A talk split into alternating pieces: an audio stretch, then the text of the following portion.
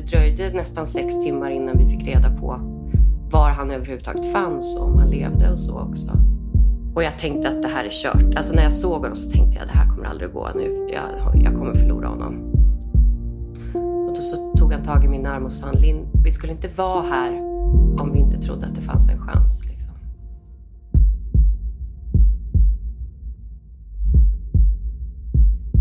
Morgon. Här sitter jag med en gäst. Eh, jag är jätteglad att ha Linn Vågberg här med som gäst i Paul och Bergholtz. Mm. Välkommen Linn. Tack! Vad roligt att jag får vara med. Ja, mm. jättekul. Och jag tänkte att du ska presentera dig själv. Jag förstår. Ja, vem är jag? Eh, kommer man på det under en livstid tänkte jag säga. Men alltså jag heter Linn, är nu måste man räkna efter också, 46 tror jag att jag är nu. Eh, bor i Sollentuna med min familj. Jag är egenföretagare. Eh, och i mitt företag så sysslar jag med, eh, oh, med mycket inom marknadsföring, kommunikation men, men jag jobbar faktiskt mycket med min röst i olika former. Jag uttrycker mig i mitt företag. Jag skriver, pratar, föreläser, Eh, har eh, gett ut två böcker och då får man enligt Författarförbundet kalla sig författare till och med. Eh, även om det fortfarande känns märkligt att ha den titeln. Jag är också så kallad professionell voice talent, det vill säga jag lånar ut min röst till utbildning, programpresentation, tv, radio, allt möjligt där man använder en röst. Så ja, Multitasking brukar jag säga att jag håller på med. Ja men alltså många strängar har ju ja. du på din lyra skulle jag vilja säga. Mm. Ja men ja, det är så jag gillar att ha det faktiskt har jag upptäckt. Jag brukar säga det till mina barn att det där traditionella tänket att vad ska jag bli när jag blir stor eh, det är inte ett val man gör en gång i livet utan det kan man faktiskt göra många, många gånger och man kan ändra sig och dessutom kan man göra både och faktiskt. Mm. Det tycker jag är... Du stänger inga dörrar? Nej, eh, nej det gör jag kanske inte.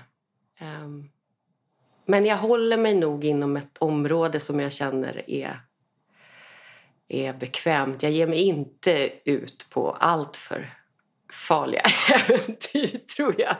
Du har vissa ramar? Jag, har vissa, jag, jag känner mina begränsningar, mm. så ska jag mm. säga. Mm. Mm. Klokt. Mm.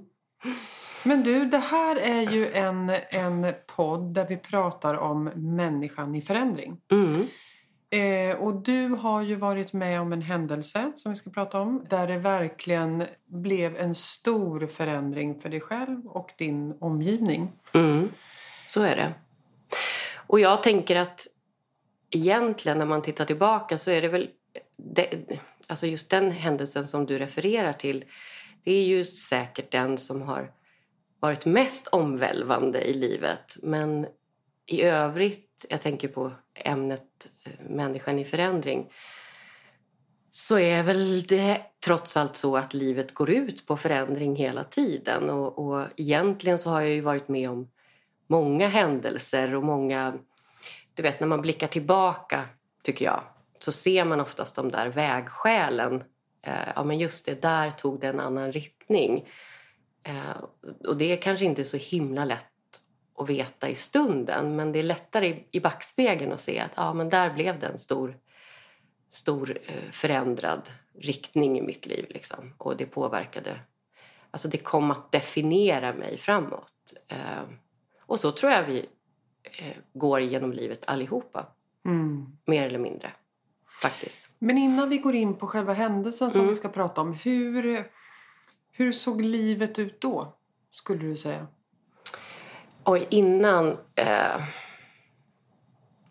Ja, då, så, då, då tänker jag att mitt liv eh, åtminstone i stora delar tog sig ut så som jag hade föreställt mig eller planerat eller eh, siktat. Alltså det var, det var någon, jag skapade på något vis en tillvaro som jag hade Eh, bestämt mig för att ja, men det här vill jag ha. Jag vill, ha, jag vill hålla på med det här, jag vill ha den här, det här familjelivet och jag vill ha det här huset och renovera det här köket. Ja, men du vet sådär. Mm. Um, Och, och det är ju just det där att vi har ju alla en, en, såklart en bild och en önskan om vart man vill och hur man vill ha det i livet. Och det är ju ganska sällan, faktiskt, tänker jag, som det blir exakt så som man har tänkt sig. Um, men innan de här stora omvälvande händelserna, för mig i alla fall, så, så tänkte jag nog inte att... Eh, jag tänkte nog att jag hade större kontroll över utfallet mm. än vad jag hade. Och vad var det som hände? Vad var det som hände? Ja, ja vad precis. var det som hände? Eh, det, eh, jag har, har ju då som sagt tre barn tillsammans med Anders. Eh, och det äldsta barnet, Leo, eh, skulle åka på konfirmationsläger. Det här var sommaren 2015. Eh, och han åkte och vi vinkade hej då. Och det här var första gången han skulle vara borta, du vet, så här två veckor.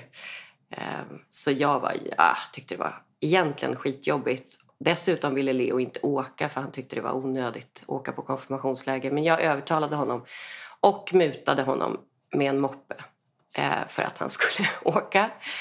Ehm, och dagen efter som han hade åkt så fick jag ett telefonsamtal på kvällen eh, från den ansvariga prästen på konfirmationslägret som undrade om jag satt ner eftersom hon hade allvarliga saker att berätta.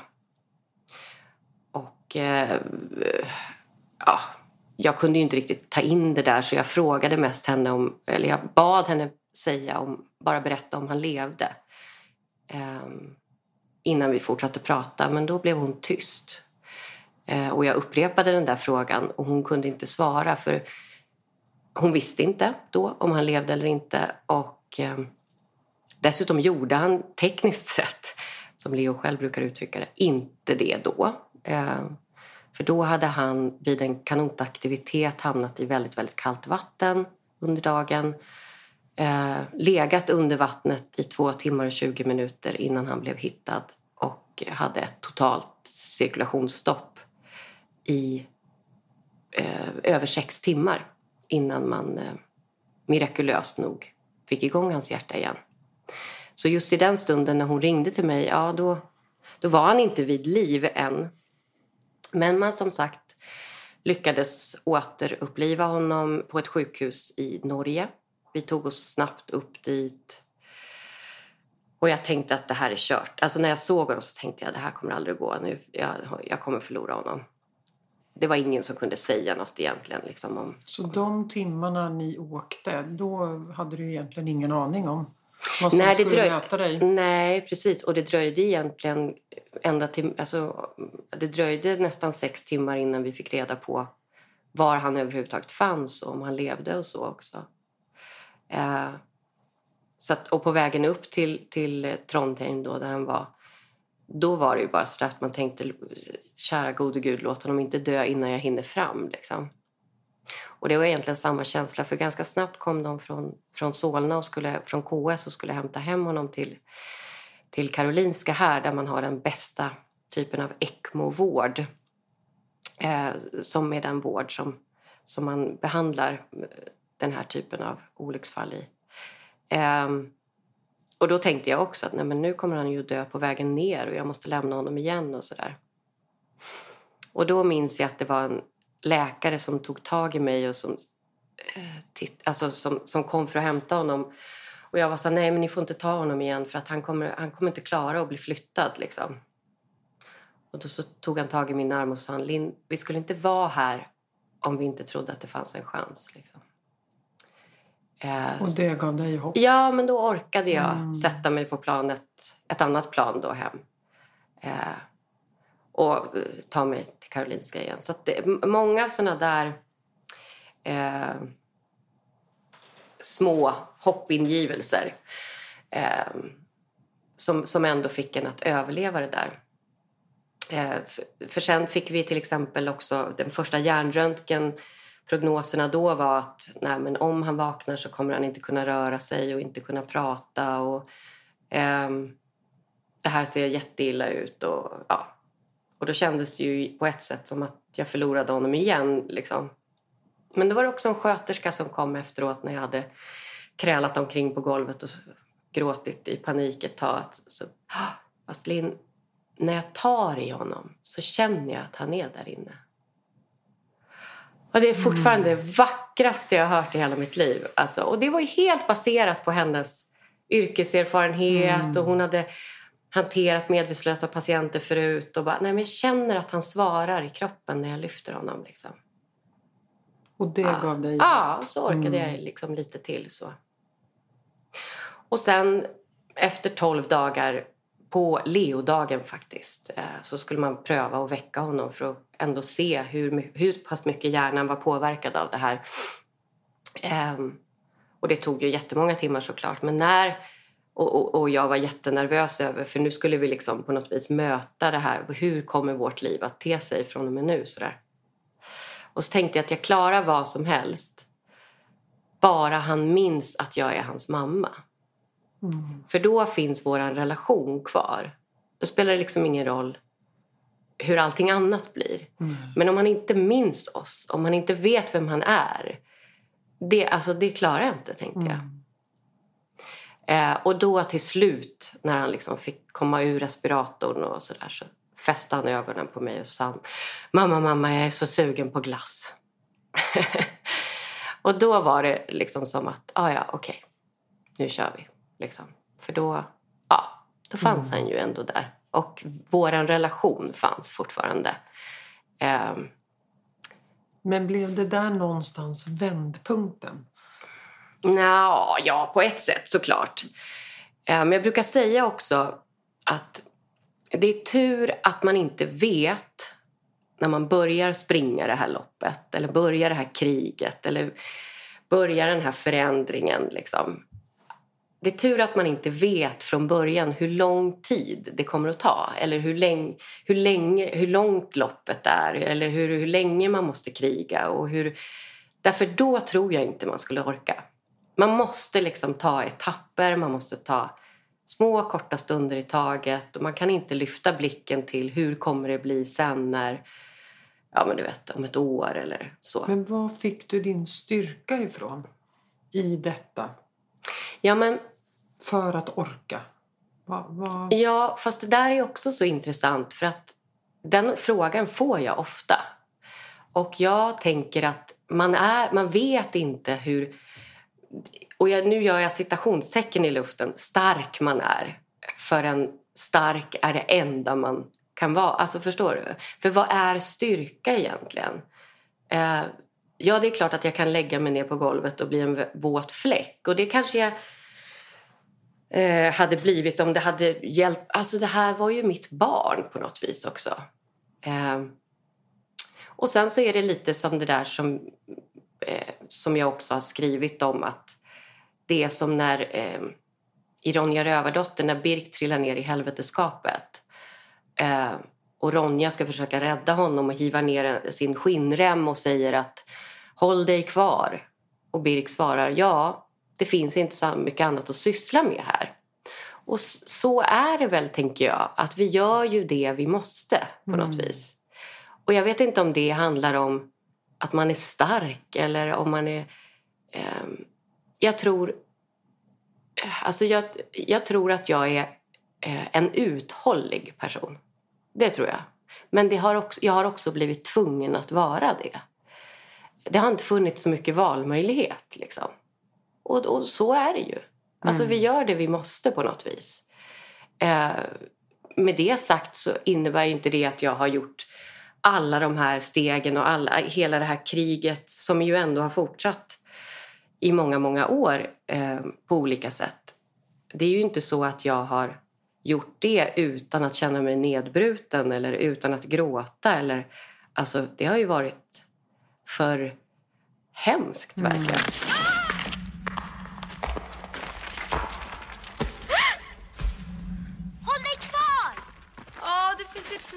så mycket annat att syssla med här.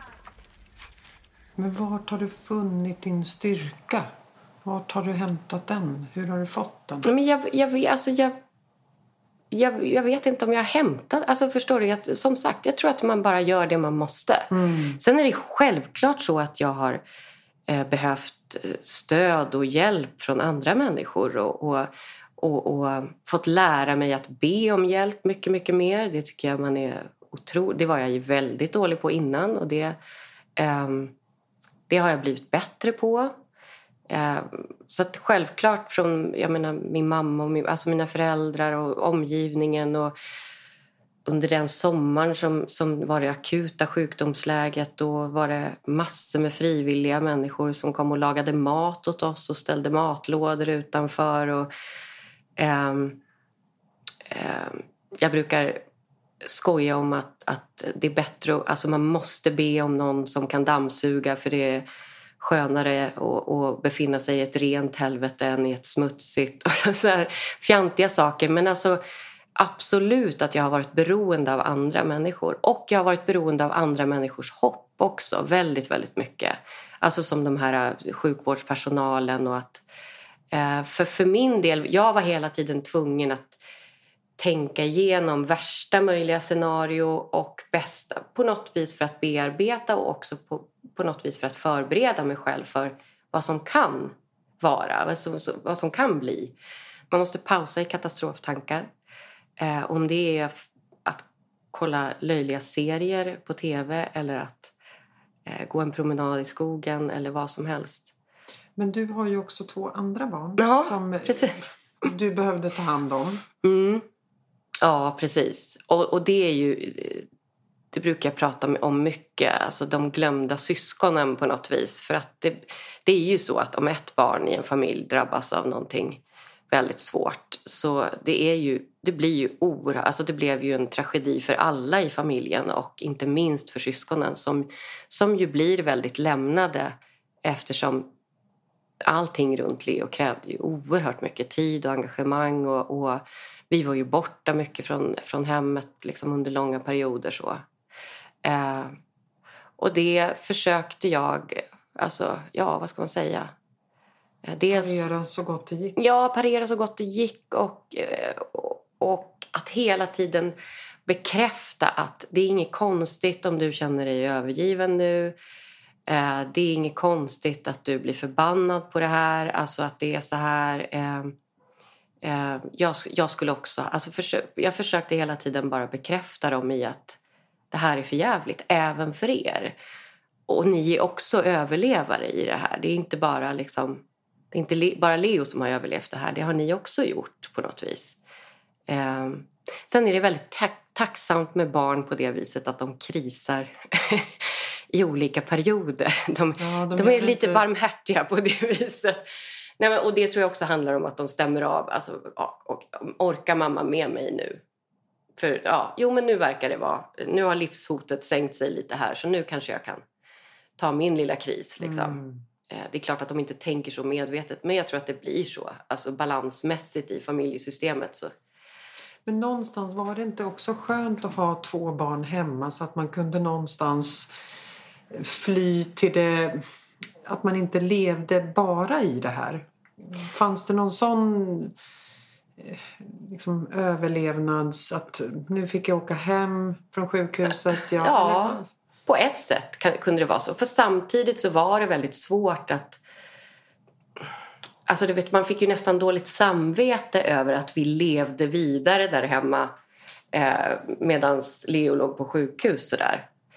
Eh, men sen, alltså vi människor är ju, apropå förändring, så är vi ju otroliga på det här med anpassning. Alltså i nästan allting som blir så sker det ändå en typ av normalisering.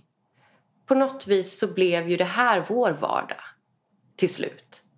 Eh, vilket också är så märkligt för det där med att man är så... För så fort någonting blir rutin och vardag så är ju det en trygghet.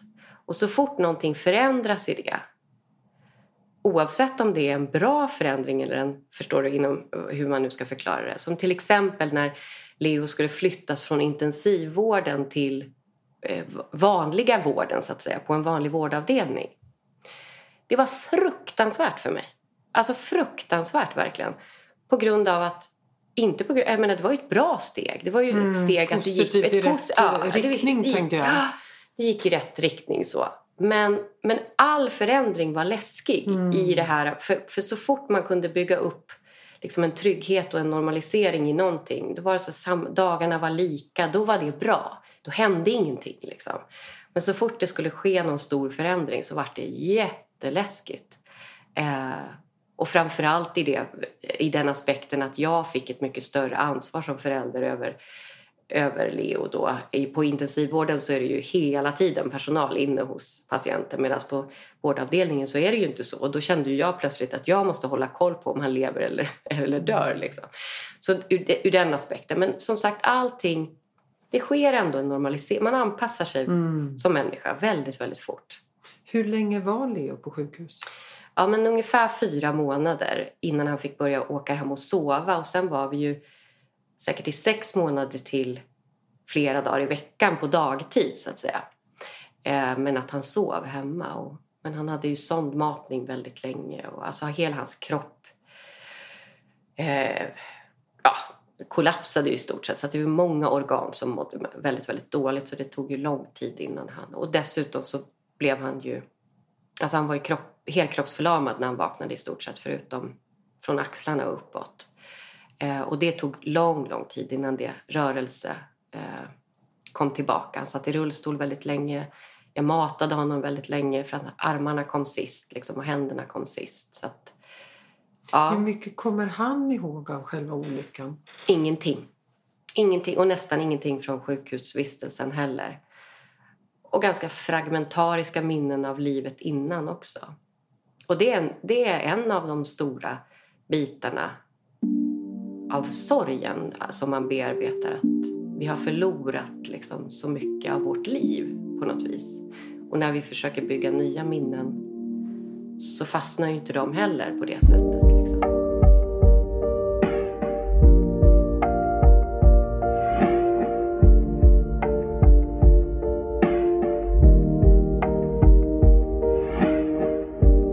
Jag har ju läst båda dina böcker, både Himlen måste sakna en ängel och eh, ett sorgkantat mirakel. Mm. Men då skriver ju du lite också om det här att glädjen över att Leo är hos oss och att han finns kvar. Mm. Men sorgen över att förlorat den gamla Leo. Mm. Precis. Och det är ju ofta det som jag generellt sett föreläser om. Att det här med att, att eh, ja, men återigen, att livet inte blir som det var tänkt. Eh, det var inte så här det skulle bli. Eh, och i jämförelsen med det jag hade önskat det är ju där sorgen och, och besvikelsen och ilskan uppstår på något vis. Eh, och ju mer jag jämför med det som borde ha varit desto mer känner jag ju den där sorgen såklart också. Och, eh, men, men som en klok man sa till mig att, att eh, eh, sorgen rymmer alla känslor. Ehm, det vill säga att man känner allting ganska mycket starkare efter en sån här sak. Och det är inte så att jag bara... Eh, för jag får ofta den kommentaren, så här, men varför kan du inte bara vara glad över att han överlevde? Eh, och det är jag ju, konstant, varje dag. Alltså det finns inte en enda morgon som jag inte går in till Leo, säger god morgon, lutar mig fram och känner och tänker att han är varm. Alltså, det finns inte... Alltså, varje dag Mm. så börjar jag så liksom och tänker ah, han luktar som min unge. Alltså du vet liksom, för det gjorde han ju inte då när han låg på sjukhuset och dessutom var han så kall. Och, Alltså det var inte, kändes inte som min. Och det är så, så ja men varje morgon startar jag så liksom. Så att jag Så det är en all- enorm tacksamhet. enorm tacksamhet. Mm. Men det, det, jag, jag, samtidigt så är jag skitledsen över att det han har förlorat, framför allt såklart. Liksom. Därför att det påverkar ju honom varje dag och det på, kommer ju påverka hela hans liv och hans möjligheter och förutsättningar i livet. Liksom. Och också som sagt den del av Leo som inte kom tillbaka. Liksom. Eh, självklart så sörjer jag det. Och det kommer jag att fortsätta sörja hela livet. Och jag tror på något vis vi ger oss själva, eller i det här samhället, allt ska gå väldigt fort och man ska bocka av saker, man ska bli klar med saker framför allt. Liksom. Och jag tror inte vi blir det. Alltså det ingår i livet. Det är liksom en process och jag kommer aldrig kunna backa tillbaka till den person jag var innan det här hände. Och alltså så kommer den känslan alltid finnas med mig. Eh, samtidigt som det kommer att komma nya saker som händer, både bra och dåliga saker. Återigen, den här ständiga förändringen. Och det kommer alltid vara förändringar som, som jag inte kan påverka. Mm. Eh, som är ofrivilliga. Och då är det på något vis sådär att hur ska jag förhålla mig till det? Ska jag fortsätta slåss mot de förändringarna som jag ändå inte kommer att kunna påverka? Eller ska jag titta på dem lite utifrån och tänka okej, okay, nu var det det här jag fick. Vad ska jag göra nu? Vad ska jag göra med det här som blev? Um, för annars så missar jag ju livet. Alltså så annars så... Mm. Om jag hela tiden går och är förbannad, bara, bara förbannad. Man får vara förbannad, för det är jag. Oj, oj, oj vad jag är förbannad. Många, många stunder i mitt liv. Men om jag bara är det hela tiden, då missar jag ju allting annat. Mm. Men jag tror att det är lättare att, att dra på sig handskarna och tänka okej, okay, nu kör vi det här som det är om man samtidigt faktiskt tillåter sig själv att vara förbannad också. Eller att vara ledsen också. Men om man hela tiden kämpar mot att men jag, nu, nu har det ju gått så här lång tid eller nu, nu borde jag ju faktiskt inte vara bitter. Alltså, det här ordet bitter är också sådär, vad betyder det egentligen? Ja, det kanske betyder att man är fast i en känsla. Att man inte kommer ifrån den. Men om man bara tänker så här, ja, ja, idag känner jag mig lite extra arg över det här. Det är inte så konstigt. Nej, och tillåter sig ja. att vara det, eller hur? Då blir mm. inte, alltså, ju mer jag slåss mot det, desto, desto större blir det. Och mm. desto mer liksom, biter det sig fast på något vis. Om det bara får följa med, då är det inte lika svårt att hantera. Och då blir det inte lika stort heller.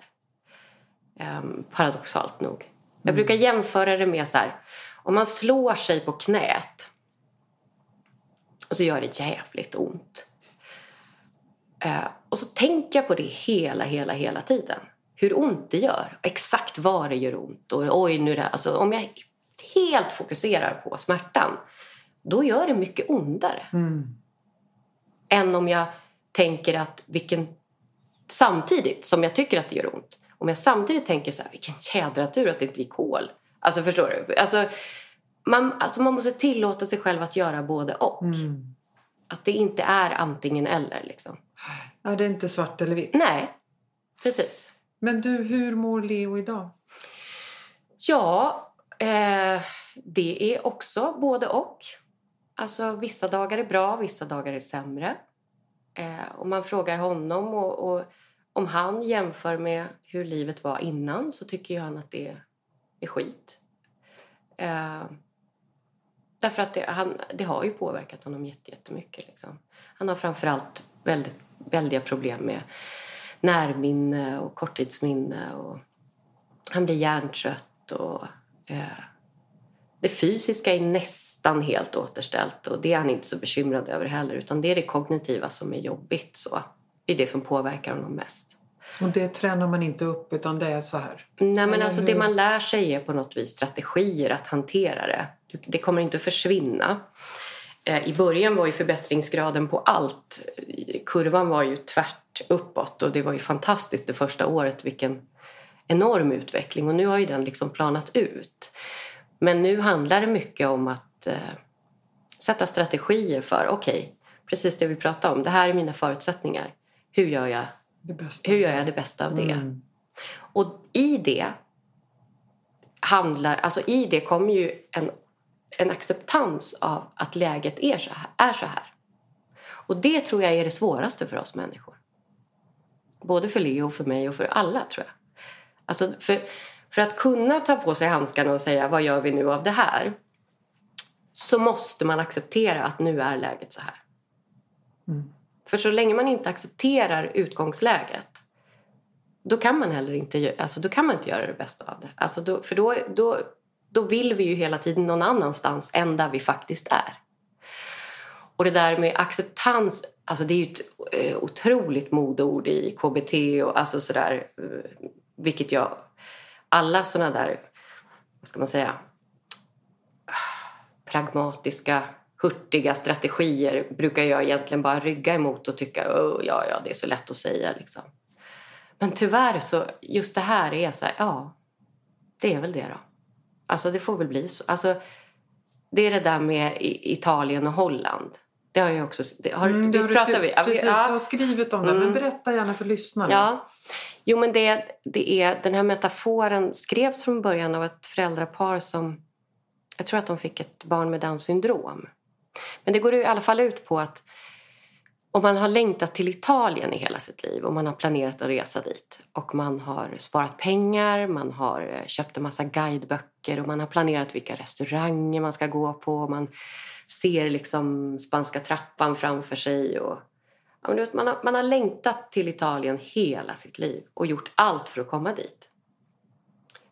Um, och så ska det äntligen ske, den här resan till Italien och man sätter sig på planet och ah, du vet det här respirret man har i magen. Och så efter ett tag så slår landningsställen i marken och så säger flygvärdinnan Mina damer och herrar, välkommen till Holland. Och man tänker så här, nej men vänta nu. Jag skulle till Italien. Jag satte mig på ett plan till Italien. Det här är inte Italien. Och, och alltså inget ont mot Holland, men alltså det är ju inte Italien. Det är verkligen inte samma sak i Amsterdam som det är i Rom. Alltså, eh, och man kan ju gå omkring i Holland och vara skitförbannad över att man har hamnat där. Vilket är helt okej också. Eh, men om man nu ohjälpligt är fast i Holland Alltså du kommer inte därifrån. Det, det var där du hamnade. Och du kan inte göra någonting åt det. Du kan inte påverka det. Så om du fortsätter att slåss mot det faktumet, alltså om, och bara fokuserar på att jag skulle ha varit i Italien, så blir ju livet i Holland helt odrägligt. Alltså, med det sagt betyder det att det inte, man behöver inte vara särskilt glad över att vara i Holland för det. Man behöver inte vara, alltså man kan vara pissförbannad, man kan vara besviken och man kan Det är längta. okej. Ja, man kan Mm. fortsätta längta efter Italien. Det är helt okej. Men jag kan fortfarande inte göra någonting åt att jag är där. Och då måste jag ju på något vis tänka så här, okej, vad finns det i Holland? Nu gör vi det bästa av det som Ja. finns. Mm. Och det låter, alltså jag vet att det blir provocerande och jag vet att det, men ja, ohjälpligt så är det ändå så liksom. Och, och som sagt, återigen, det är okej att vara förbannad i Holland. Alltså, men du kommer inte vara det varje dag. Nej. Och det kommer inte att vara piss i Holland varje dag. Och, och med tiden så kanske du tycker att ja, men vissa delar av Holland är helt okej. Mm. Eh, men att fortsätta slåss mot de där väderkvarnarna, det är, Meningslöst. det är meningslöst Mm. faktiskt. Och det är framför allt slöseri med din värdefulla livstid. Alltså, vad fasen liksom. Vi har inte tid. Alltså det kan ju ändras på en... Det, jag menar det, det är väl någonting som jag har lärt mig att det kan ändras på vilken sekund som helst. Mm. Men du, hur skulle du säga att resten av familjen mår idag? Ja, men vi fortsätter och vi sprattlar vidare brukar jag säga. Alltså vi fortsätter att krisa med jämna mellanrum. Alltså, och, och det så tror jag att det liksom är... Alltså livet är ju, det är ju jäkligt tufft att leva. Och man stöter på nya saker som är svåra. Och, um, men skillnaden nu skulle jag säga, när, när, det tänkte jag på när coronan kom. Um, att vi har verkligen a- övat oss i att anpassa oss efter omständigheter som vi inte kan påverka. Och det kan jag känna, det uppstår ett lugn i det på ett sätt som samtidigt som jag också är mer nojig eller mer, alltså förstår du, det finns både och där också. Mm. Men det uppstår ett lugn i att acceptera att jag kommer inte kunna kontrollera allting omkring mig. Hur jag än gör. För så var jag nog mycket som mamma innan, tror jag. Att jag var så, ja men om jag kollar allt och var är du och hur kommer du här? Alltså så här, och, då kommer jag kunna skydda barnen. Ehm, Det kommer jag ju inte kunna göra. Hur jag än gör. Hur du än gör. Ja. Nej. Så jag tror att eh, ja, vi har övat oss på att leva efter omständigheter som vi inte kan påverka. Eh, men sen inträffar ju livet för oss också och det kommer nya kriser och naturligtvis har man varit med om någonting så här traumatiskt så återspeglas ju det i nya jobbiga saker som händer. Alltså man har ju den här ryggsäcken med sig i alla fall. Och, och det brukar jag tänka på när det gäller eh, när jag pratar med människor som möter andra människor i kris och sådär. Att man vet faktiskt inte vad de har varit med om tidigare heller som speglas i det. Som, alltså du vet om det kommer in en mamma som är hysterisk på närakuten med ett barn som har ett brutet ben så tycker man kanske inte att det är väl inte så farligt. Men du vet ju inte vad hon har varit med om innan som speglar det. Liksom. Så att, ja. Nej. Alltså det... I, i all, all bemötande av... Alltså alla människor har, har eh, enorma historier. Och, och det ska man tänka på när man möter människor. Brukar jag tänka. Mm. Men du, har du hittat något hos dig själv? eh, En ny sida som du inte visste fanns i dig? På grund av det här? Mm, en ny sida. Nej, men kanske att de har förstärkts som en ny sida. Ja, men alltså återigen. Jag känner mig lite mer som en... Eh, jag är mer bekväm med att betrakta livet. Att jag, inte, jag försöker inte styra så mycket. Jag blir inte personligt kränkt om det regnar en tisdag morgon när jag ska gå till bussen. Liksom. Allting handlar inte så mycket om, om mig. Liksom. Mm. Jag vet inte hur jag ska förklara det, men alltså att det... Jag är mer sådär, jaha, Men nu, det kanske nu blev det så här idag. Ja. Alltså att jag, inte, jag, jag värderar det inte så mycket. Och framförallt så, så värderar jag det inte utifrån mig själv hela tiden. Alltså om en människa... Ja, men det är jag bättre på. Alltså om en, om en människa skriver ett sms till mig eller säger någonting till mig eh, som jag tidigare kanske hade kunnat tolka in, alltså förstår du, ett under, undermening i som kanske var riktat mot mig eller, eller liksom till och med när människor kanske säger knasiga saker till mig eller liksom uttrycker mig, alltså så här, då är jag mycket bättre på att alltså, ställa det utanför mig. Jag, jag tar inte saker så personligt längre, så ska jag säga. Det är väl väldigt positivt, är det inte det? Det är väldigt skönt faktiskt. Mm, mm. för, jag, för jag var oerhört påverkad av sånt tidigare. Men jag tänker, du var inne på det lite det här med corona och, och det som drabbade alla. Det blev kanske inte lika stort för dig som för många andra. Nej, jag, eller jag, jag vet inte. Och det är ju lätt att säga om man inte hade en anhörig till exempel som gick bort i corona eller liksom drabbades hårt på det sättet. Men, men, men just det där känslan av att det här kan jag inte göra någonting åt. Det, ja, det, det är lite som när man blir insnöad.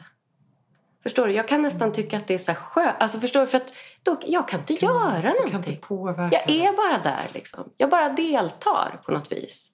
Men jag kan inte styra det. Och det är ganska, ja, det är ganska skönt liksom. Eh, samtidigt som jag då, jag vill ju också påpeka att det här handlar ju inte om att ge upp eller liksom sluta vara, vara eh, den som skapar sitt eget liv. Alltså, för det handlar det inte om.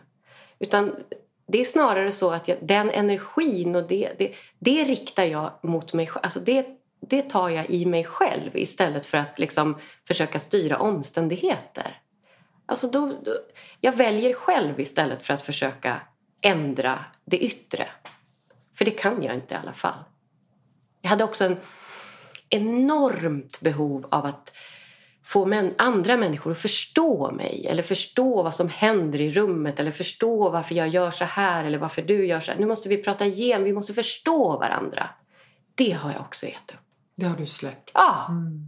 därför att jag är så här, nej men, jag kan inte ändra andra människor och de har sina åsikter och de har sina ryggsäckar och, men jag vet att jag, jag tycker så här nu. Jag kan säkert ändra mig någon gång. Alltså så här, jag är mycket mer, ja, jag står liksom i det jag känner och tycker själv. Mm. Och jag behöver inte ha med mig hela världen på det heller. Det, det gör ingenting. Nej, för det var en av, en av mina frågor i det här. att Finns det någonting positivt som har kommit från det här? Och det här har ju du svarat lite på. För det här är väl positivt? Ja, förändringsmässigt i mig själv så är det absolut positivt. För det var ganska dränerande att vara så som... Mm. Alltså, eh, så absolut är det det. Men eh, om, jag, om jag ska reflektera över om det var värt... Alltså förstår du, det finns ju fortfarande inget... Men, men det är, jag försöker göra saker med det som nu ändå är som gör att jag slipper känna att det bara är meningslöst. Det vill säga, jag, för, jag har skrivit de här böckerna, jag försöker eh, föreläsa för att eh, liksom bidra med någonting och, och eh, sprida liksom, berättelsen för att andra ska få hopp eller att det ska bli bättre bemötande mot anhöriga i vård. Alltså, förstår du, jag försöker göra saker som får mig att känna att det som har hänt inte bara är meningslöst. Mm. Men är inte det också ett sätt att bearbeta? Jo, jag absolut. tänker skriva de här böckerna. Jo, att det blir absolut. en bearbetning i sorgen. Mm, absolut, det är det. Ehm, men det är också ett sätt att ja, men acceptera det som är och försöka göra något bra av det. Mm. Så att, så att det blir liksom win-win på något vis. Alltså, eh, alltså att uttrycka sig om liksom, ofrivilliga förändringar i livet och, och om man gör det via att skriva eller prata eller det spelar ju ingen roll, men, men att formulera sig runt det, det tror jag är väldigt, väldigt viktigt. För det ger också ett... ett du, du har möjlighet att ställa det utanför dig själv och betrakta det lite och då får du distans till liksom, den känslomässiga krisen och då är det lättare att hantera. Mm. Så att, eh, mm. Men du, sista frågan här. Va, vad är viktigast för dig i livet? Oj. Stor ja, fråga. ja, nej, egentligen inte. Då är det ju bara det är barnen som är det. Mm. Det är det viktigaste. Absolut. Ehm. Ja, Mm. nej, det är inte så. Alltså, man får vara glad varje morgon man vaknar. Har ont och, och är lite förbannad, lite besviken. och, ja, för då lever man i alla fall. Mm. Alltså, om jag, om jag skulle vänta med att vara tacksam över att få leva tills jag var bara lycklig, bara frisk, inte hade ont någonstans, bara var tacksam, ja då får jag vänta länge. Alltså. Ja, du, precis. Det är kört. Men du Linn, Mm. avslutningsvis. Du har ju länge haft en dröm om att få sommarprata. Ja, just det. Just Eller det. hur? Ja. Och nu är ju du en av åtta Mm. som kandiderar till att få bli lyssnarnas sommarvärd Ah. 2022. Vilken enorm ära. Ja, så nu vill jag liksom uppmana alla lyssnare här. Vill ni höra mer om Linn och hennes starka berättelse så gå in och rösta på henne på Sveriges Radios hemsida. Eller skicka ett sms eh, till 72600 och uppge bidrag nummer sju. Vad fint. Ja. Så att jag vill med detta eh, tacka dig supermycket för att du var med Tack. i den här podden. Ja. Jätte, ja, jag blir väldigt berörd och jag tror att många som lyssnar och också blir det. Så att in och rösta nu till eh, så att vi får höra mer om Linn i sommar. Stort Tack tack, för att ni lyssnade och stort tack för att du kom hit. Tack snälla. Tack.